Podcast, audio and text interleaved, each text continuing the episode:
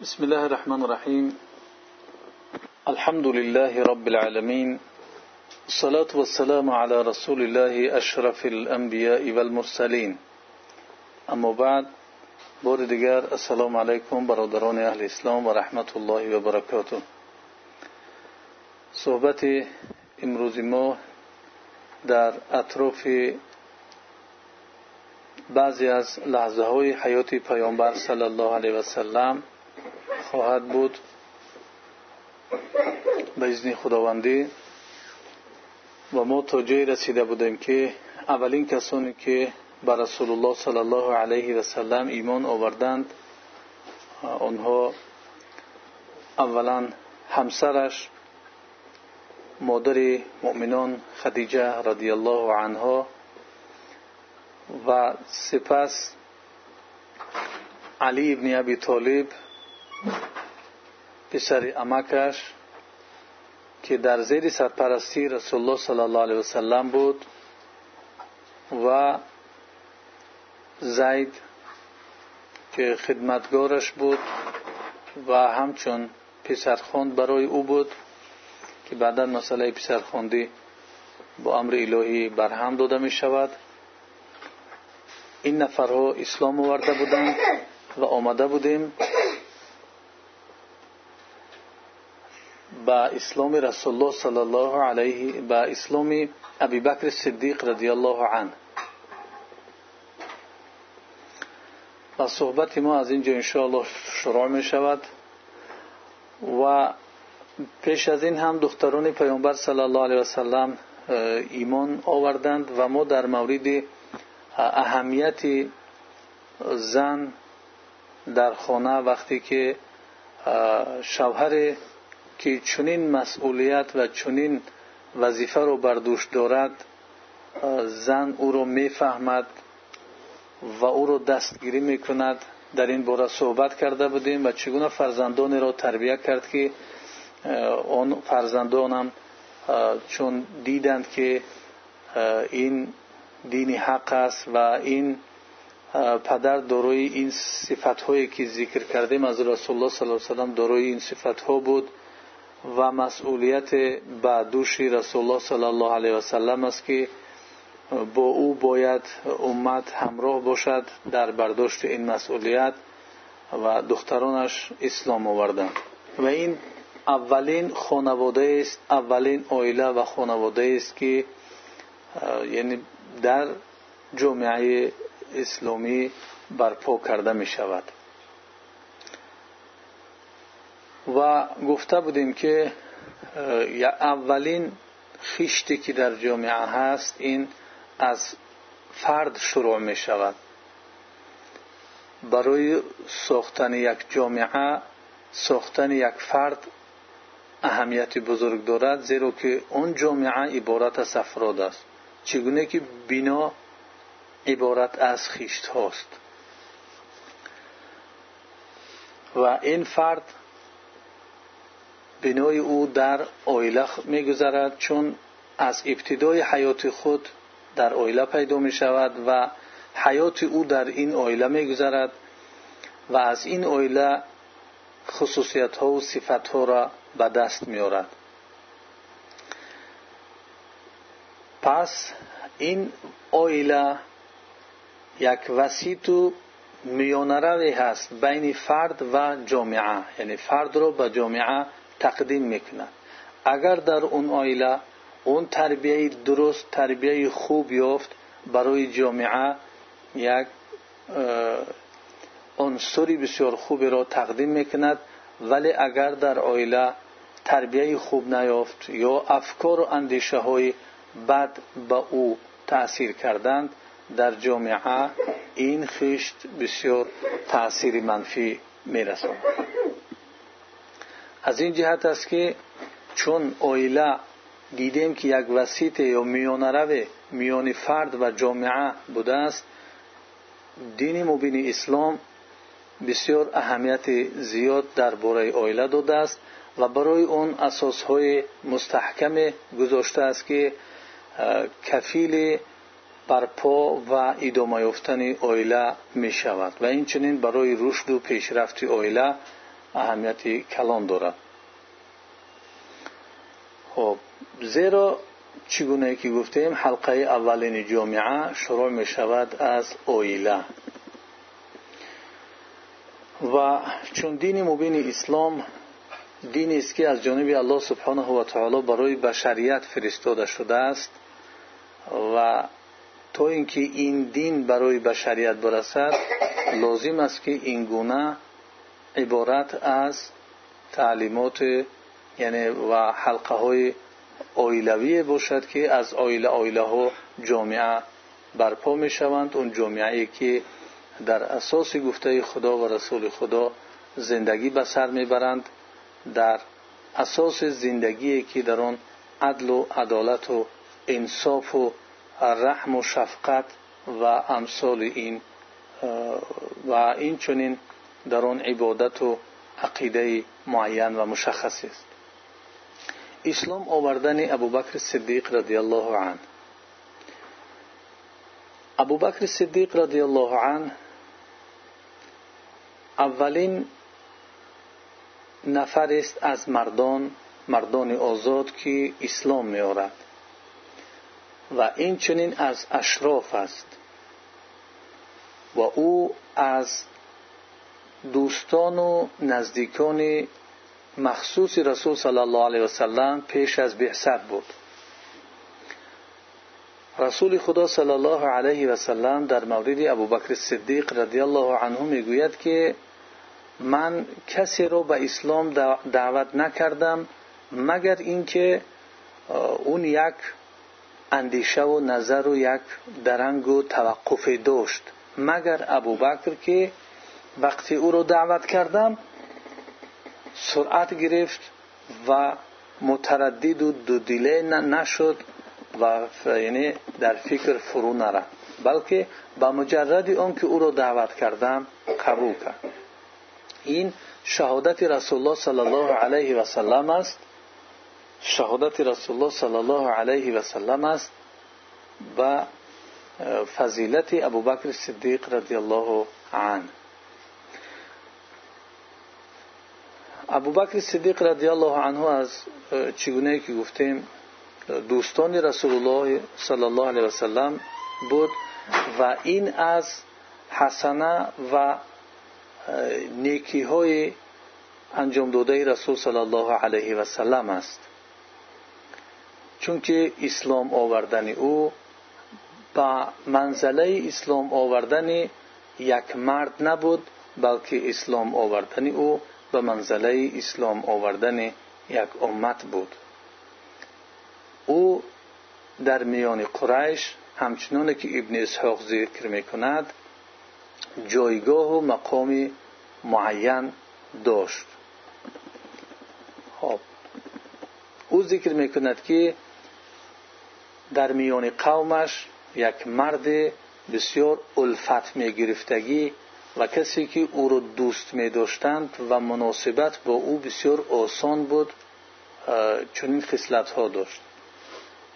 و این چنین فرموده است که از جهت نسب در قریش از همه دیده نسب بلند یا با تر بود. و این چنین داناترین قریش در مورد نسب ها بود. و آنچه که از خیر و شر در اون نسب ها بود. همه آنها را ابوبکر صدیق رضی الله عنه می‌دونست. و این چنین ابوبکر صدیق رضی الله عنه مرد تاجر بود.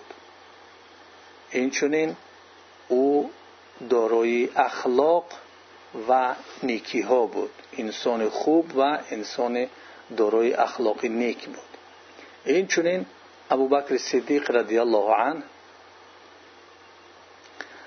شخصی بود که مردانی از قومش به نزد او می و با او الفت می گرفتن اونس می نه به یک کار مخصوص بلکه با از چند جهت به پیش او می از جهت علمش از جهت تجارتش از جهت همنشین خوب بودنش. و امثال اینها یعنی با ابوبکر صدیق رضی الله عنه به نزدش انسان ها می اومدن از این جهت ابوبکر صدیق رضی الله عنه یک گنج از گنجینه ها بود که الله سبحانه و تعالی او را برای پیامبرش ذخیره کرده بود. و چگونه که گفتیم از محبوب اون را بسیار دوست می داشتند و از جهت آن اخلاق بخشایشگرانه ای که داشت و او را به او خداوند این اخلاق را بخشیده بود و از جمله کسان بود که بسیار در مناسبت کردن انسان نرم و ملایم بود. از کسانی بود که اونس می گرفت و دیگران با او اونس می گرفتن اخلاق بسیار نکو حمیده و بخشایشگر داشت. و این اخلاق حمیدهش خودش به تنهاییش کفایه بود که مردم با او الفت بگیرند با او اونس بگیرند با او رابطه و مناسبت بکنند اون کسی است که رسول خدا صلی الله علیه و سلم در مورد او گفته است ارحم امتی بی امتی ابو بکر رضی الله عنه. رحم خورترین امت من به امتم یعنی کسی که برای امت من با رحمترین است در امتم این ابو بکر است.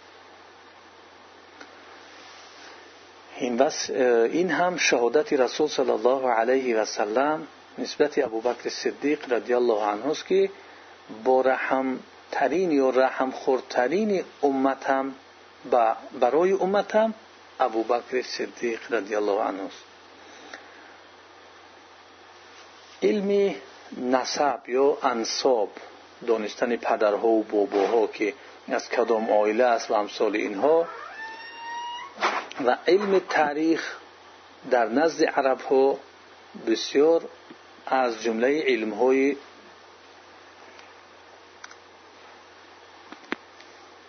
معتبر شماریده می شدند و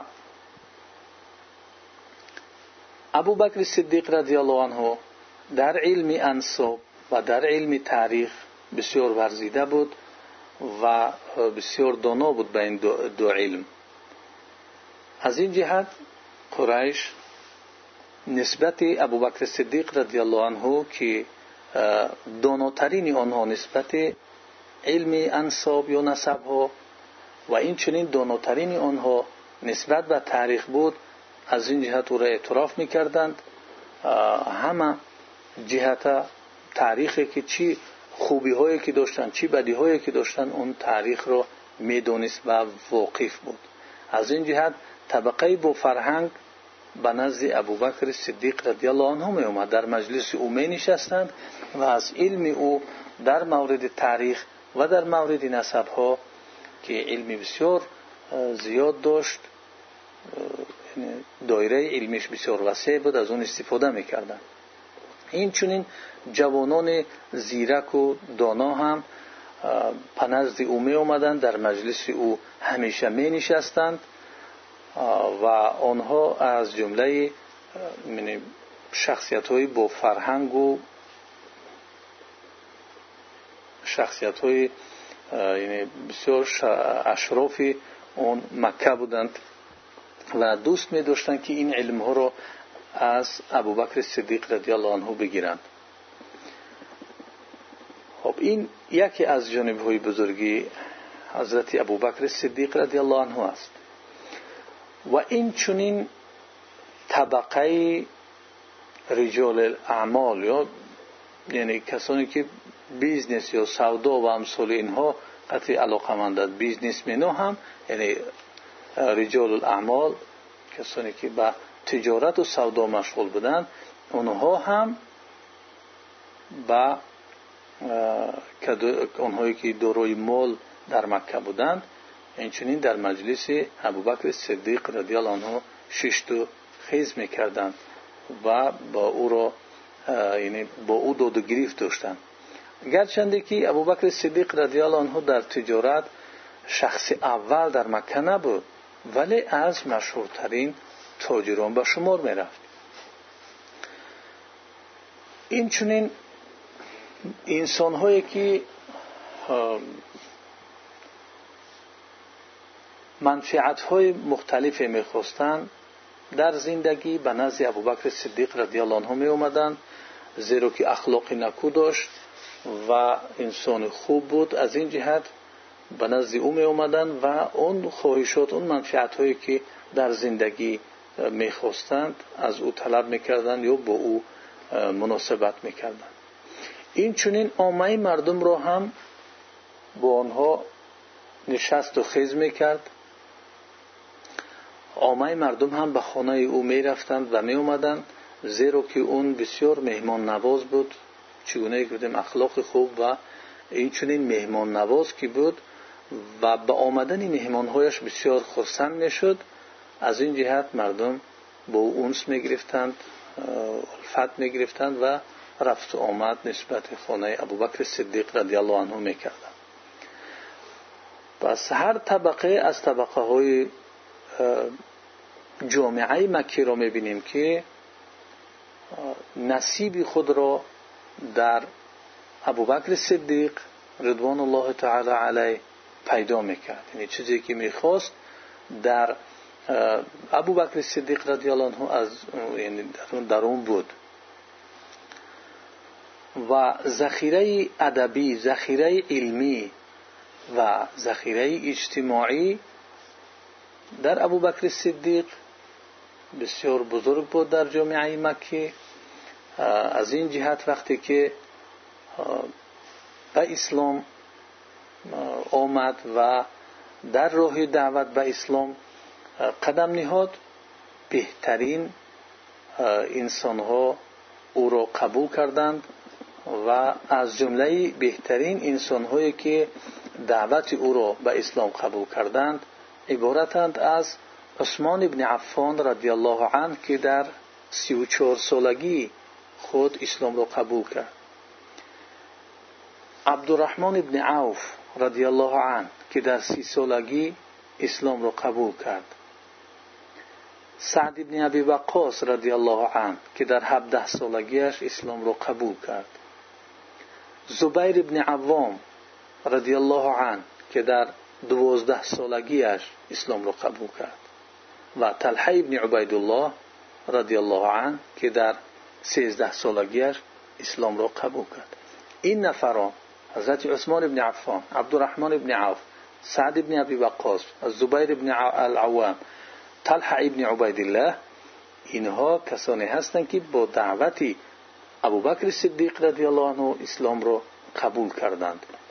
و این از شخصیت های بهترین جامعه مکه به شمار می رفتند این قهرمانان و نوجوانان панҷгонаи аввалин самараҳое аз самараҳои сиддиқ радиаллоҳу анҳу буд онҳоро ба сӯи ислом даъват кард онҳо қабул карданд онҳоро ба назди расул сал аллоҳ алайҳ васалам ба шакли танҳо танҳо овард ва ба дасти расулло с салам дар пеши ӯ ислом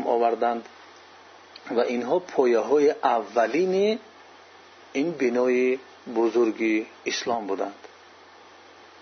خب. و اینها اولین شخصیت ها اولین پایه های بودند که پیامبر صلی الله علیه وسلم رو هم تقویت بخشیدند و خداوند به واسطه آنها رسول الله صلی الله علیه وسلم رو иззат дод таъйид намуд ва баъд аз онҳо дигар мардум дар дини худованд гурӯҳ гурӯҳ дохил мешуданд занҳо мардҳо ва амсоли инҳо ва ҳамаи инҳо ки зикр кардем аз шахсиятҳои аввал ё дар сафи аввали ислом буданд ва бо ҳамроҳии инҳо گروه سابقین که روی آوردن به شکل تنها یا دو نفری یا یک جماعت خورده به اسلام روی می آوردن که اینها سبب اسلام آوردن آنها بودند. و آنها در, اسلام آوردن سابقین آن گروه اولی که بود از مسلمانان سهم بزرگ گذاشتگی هستند. با وجود اینکه آنها عددشون کم بود ولی یعنی گروه بسیار خوب این شخصیت های ورزیده شخصیت بهترین جامعه مکه بودند. در این گروه دعوت و در قلعه رسالت رسول الله صلی الله علیه وسلم که یگان کسی با آنها دیگر سبقت نکرده بود و با آنها هم در تاریخ اسلام نرسیده است. در حقیقت حرکت کردن ابوبکر صدیق رضی الله عنه در دعوت راه خدا برای انسانها صورت از صورت ایمان را ایمان آوردن به این دین را روشن می‌کنه. یعنی وقتی که ابوبکر صدیق رضی الله عنه با این دعوت راه خدا با این اسلام حرکت کرد این شخص نشان داد که کسی که به این دین ایمان می آرد چگونه انسان باشد. وقتی که خدا را قبول کرد وقتی رسول خدا صلی الله علیه و را قبول کرد این یک صورت مؤمن بود که دیگر بعد قبول کردن خدا و رسول خدا و دین او یک مؤمن بود که دیگر قرار نداشت. دیگر یعنی آرامش یعنی فکری هم نداشت. تا اینکه در این دنیای مردم به آن چیزی که ایمان آورده بود آن را عملی نکرد دیگر قرار نگرفت. آن چیزی را که ایمان آورده است می‌خواست آن را در این دنیا به عمل برساند. و آن دعوت راه خدا بود مردم را به سوی الله خواندن مردم را به سوی جنت خواندن مردم را به سوی سعادت خواندن مردم را از بدبختی حذر کناندن از آتش دوزخ و از قهر و غضب الهی حذر کناندن. یعنی این یک صورت عجیب یک صورت مؤمنی حقیقی و کامل را نشان داد که دیگر وقتی که ایمان آورد انسان مسلمان و انسان مؤمن که این به این دین ایمان آورده است این گونه باید باشد که دیگر قرار نداشت و فکر و اندیشه او دیگر آرام نمی‌گیرد تو اینکه با اون چیزی که مقصد داشت که خدا می‌خواست که در روی زمین باشد آن را در عمل جاری کند. اون کاری که تا آن را انجام نمی‌داد دیگر آرام نمی‌گیرد. این حرکت او یا عمل او عملی نبود که یک عملی او را عاطفه و اون را عاطفه موقتی وادار کرده باشد به این چیز. یک انسان را در اولی کار یک حوث می‌کند که کاری بکند بعد می‌بینی که اون خاموش می‌شود اون شعله و اون دیگر پژمرده می‌شود و از بین می‌رود. بسیار وقت می‌شود که یک انسان با یک شعله خوب یک کار را انجام میتید با یک نشاط و با یک فعالیت خوب. ولی چند لحظه میگذرد چند روزه میگذرد که دیگر می‌بینی که اون پژمرده می‌شود اون شعله دیگر در قلب او وجود ندارد. ولی ابو بکر صدیق رضی الله عنه چنین نبود. ابو بکر صدیق رضی الله عنه. غیرت او تا دمی که الله سبحانه و تعالی او رو یعنی به سوی خود دعوت کرد تا وفات کردنش به همین صورت دوام کرد. هرگیز خسته نشد هرگیز ضعیف نشد هرگیز ملال نشد و هرگیز یعنی ناتوان در ادای وظیفهش نام. بلکه با یک همتی بلند با یک نشاط با یک فعالیت بسیار خوب راه خدا رو پیش گرفت و هرگیز سستی و ضعف در آن نشان نداد. از اینجا ما ملاحظه می‌کنیم که انسانهایی که داروی جایگاه و مقام در جامعه هستند اینها در کسب کردن نفرها به دعوت تأثیری بزرگی دارند. از این جهت تأثیر ابوبکر صدیق رضی الله عنه در اسلام نسبت به دیگرها بیشتر و بیشتر بود. ببینید اولین پایه های اسلام به سبب ابوبکر صدیق رضی الله عنه شده است.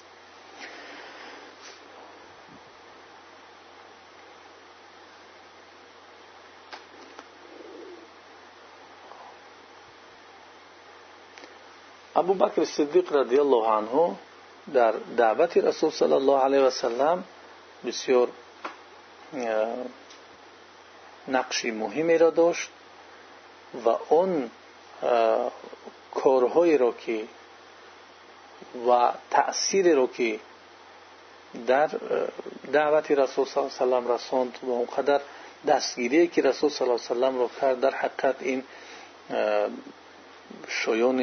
تحسین می باشد. دعوت در این زمان ها دعوت چگونه که گفتیم حال هم در مرحله پنهانی بود اونها نمی‌تونستند این دعوت خود را اشکار بکنند زیرا که اگر آنها اشکار می‌کردند با مشکلی های زیادی دچار می‌شدند.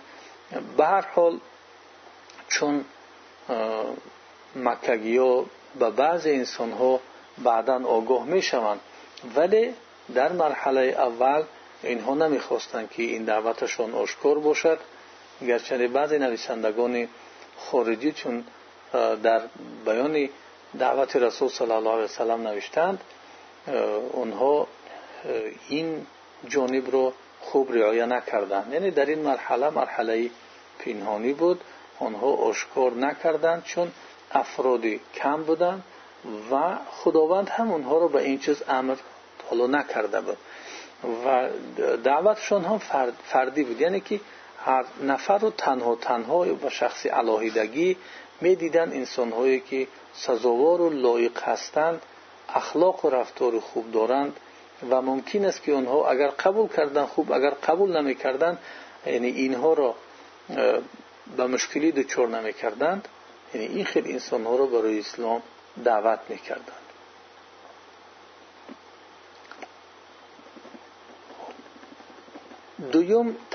کسانی که اسلام آوردند. اون ما درباره ابوبکر صدیق رضی الله عنه صحبت خود را تمام کردیم و دویم گروهی که اسلام آوردند. دویم گروه بعد اسلام آوردن گروه اول اینها بودند. ابو عبیده ابن جراح ابو سلمه عبدالله ابن عبدالاسد ابن مخزوم ابن مره پسری عمه رسول صلی الله علیه وسلم که بره بنت عبدالمطلب نام داشت و برادرش از رضاعی بود و ارقم ابن ابی الارقم المخزومی و عثمان ابن مضعون الجمحی و عبیده ابن الحارث ابن عبدالمطلب و سعید ابن زید ابن عمر ابن نفیل و قدامة قدامه و عبدالله فرزندان مزعون قدامة و عبدالله دو پسر مزعون. و بنت خطاب ابن نفیل این خواهر عمر ابن خطاب است. و شوهرش سعید ابن زید که پیشتر نامش ذکر کردیم. و اسماء بنت ابی بکر صدیق و عایشه بنت ابی بکر صدیق و خباب ابن الارت. این از هم حلیف های بنی زهره بودن.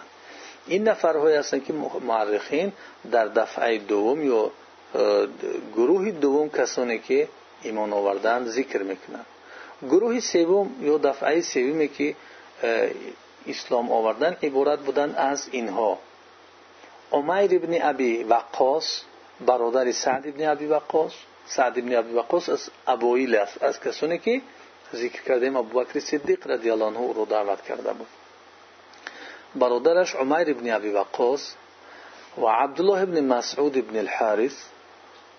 خب ابن شمخ ابن المخزوم ابن هزایل و مسعود ابن القاری و این مسعود ابن ربیعه ابن عمر ابن سعید ابن عبدالعزا ابن حمالة من القرى از قرى است. و سلیت ابن عمر برادر و برادرش حاطب ابن عمر و عیاش ابن ابی ربیعة و همسرش اسماء بنت سلامة و خونه پسر حذافه سهمی و عامر ابن ربيعة هم حليف آل خطاب وعبد الله ابن جحش وبرادرش أبو أحمد و جعفر ابن أبي طالب همسرش أسماء بنت عميس وحاطب ابن الحارث و همسرش فاطمة بنت المجلل و وبرادرش حاطب ابن الحارث و همسرش فكيهة بنت يسار و برادر آنها معمر ابن الحارث والسائب بن عثمان بن مضعون والمطلب ابن أزهر وهمسرش رملة بنت أبي عوف والنخام ابن عبد الله بن أسيد وعامر بن فهيرة مولای ابی بکر و فهیره و مادرش اینا آه، غلام بودند آه، غلامای توفیل ابن الحارث ابن سخبرة. اینها را ابوبکر صدیق رضی الله عنه خرید و آزادشون کرد. و خالد ابن سعید ابن العاص ابن امیه ابن عبد الشمس ابن عبد مناف ابن قصی و همسرش امینه بنت خلف و ابو حذیفه ابن عتبه ابن ربیعه ابن عبد الشمس و واقد ابن عبدالله ابن عبد مناف و خالد و عامر و عاقل و ایاس بنو البکیر ابن عبدیالیل اینها فرزندان بکیر ابن عبدیالیل هستند و عمار ابن یاسیر که هم هم حلیف بنی مخزوم ابن یقیله بود. اینها را ذکر کردند و ابن هشام گفته است که انسه از مزحج و صحیب ابن سینان که اون رومی با رومی مشهور است. و این چنین از سابقین به اسلام ابوذر غفاری هست و برادرش اونیس و مادرش.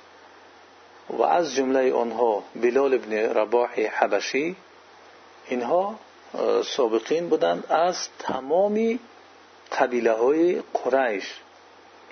که عدد آنها را ابن هشام بیشتر از چهل نفر می شمارد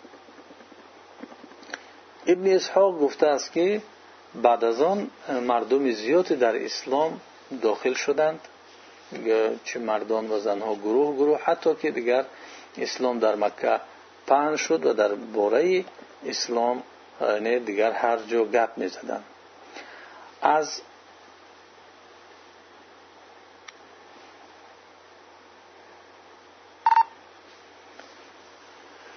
خب از این پیشنهاد کردن نام های مسلمانان سابقین چی هدفی بود یا چی منفیتی داشت؟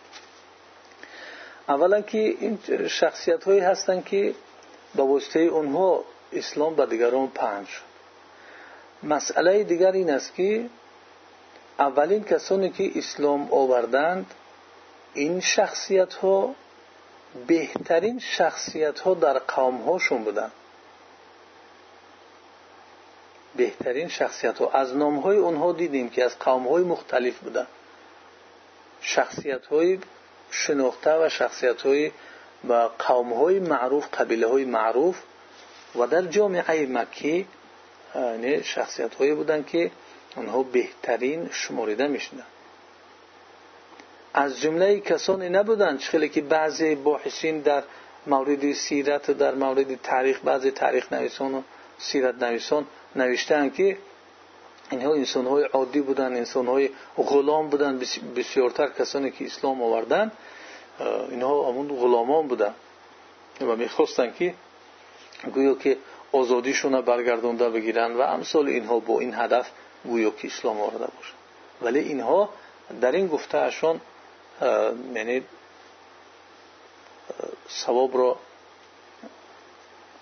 نتونستن بیان بکنن بلکه خطا کردن در بیان کردنشون این نویسندگانی که به این صورت بیان کردن کسانی را که در اول اسلام آوردند.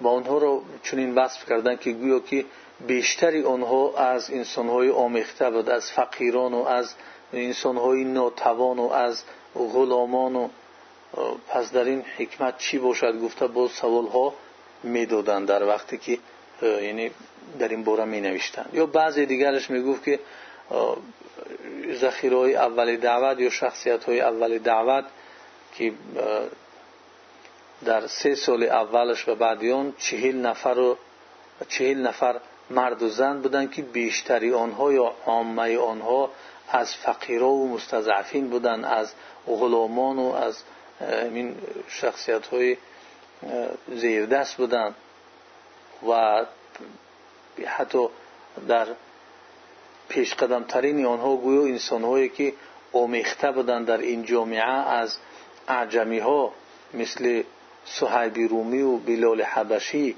اینها را نام گرفت وقتی که بحث و بررسی دقیق نسبت این چیزها از جانب دانشمندان شده گذشته است.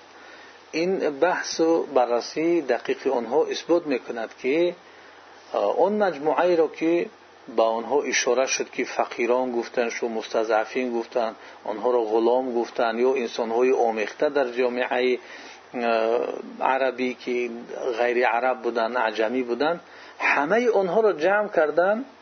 اینها سیزده نفر برآمدن پس نسبت این عدد به عدد کلی کسانی که در اسلام داخل شدند نه اکثریت تشکیل می‌کند نه عامتر و بیشتر و امثال اینها. یعنی اون کلمه های اکثرش و معظم آنها عامه آنها این کلمه ها را که استفاده بردن یعنی با اون سیزده نفر این کلمه های استفاده برده آنها نادرست است. پس بحث کنندگان یا اینکه پژوهشگران این سیرت علما و دانشمندان دیدند که فقط اون نفرهایی که اینها میگن سیزده نفر هستند ولی در عموم بیشتر از چل نفر بودن. همه کسانی که اسلام آوردند و کسانی که در آن روز اسلام آوردند آنها را یگان مسئله دنیوی وادار نکرد برای اسلام آوردن. بلکه ایمانی آنها به حق ایمانی واقعیشان بود که خداوند قلبها و سینه های آنها را بر این حق به حقیقت کشاد کرد. و به نصرت پیامبر صلی الله علیه و سلم اونها را یعنی وادار کرد برای نصرت دینش. و در این کار که ایمان آوردن به حقیقت و نصرت پیامبرش محمد صلی الله علیه و دیگر هم انسان شریف و هم انسان غلام هم انسان ثروتمند و هم انسان فقیر اینها همه برابر اشتراک کردند مثل ابوبکر صدیق بلال حبشی عثمان ابن عفان و صحیب رومی اینها برابر در ایمان آوردن و در نصرت پیامبر صلی الله علیه و همه برابر اشتراک کردند.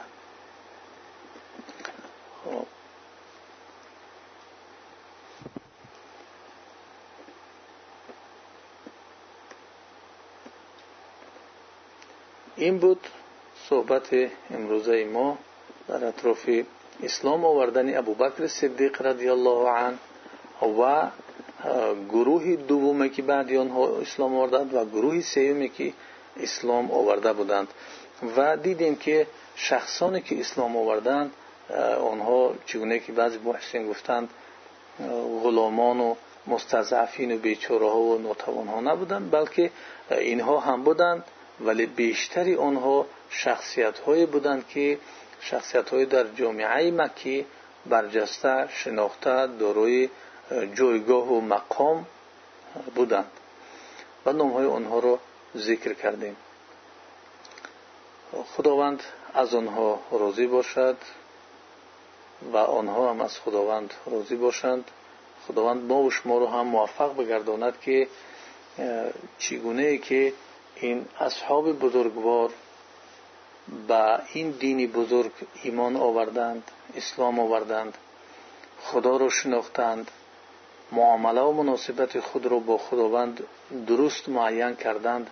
پروردگارا ما را هم مشرف بگردانی که این گونه دینت را بفهمیم با اون گونه که ذکر کردیم ابوبکر صدیق رضی الله عنه وقتی که ایمان آورد دیگر تا آخر حیات خود یعنی قرار را نمی‌دید و در خدمت این دین بود ما و شما را مشرف به این گونه ایمان و این گونه خدمت بگرداند.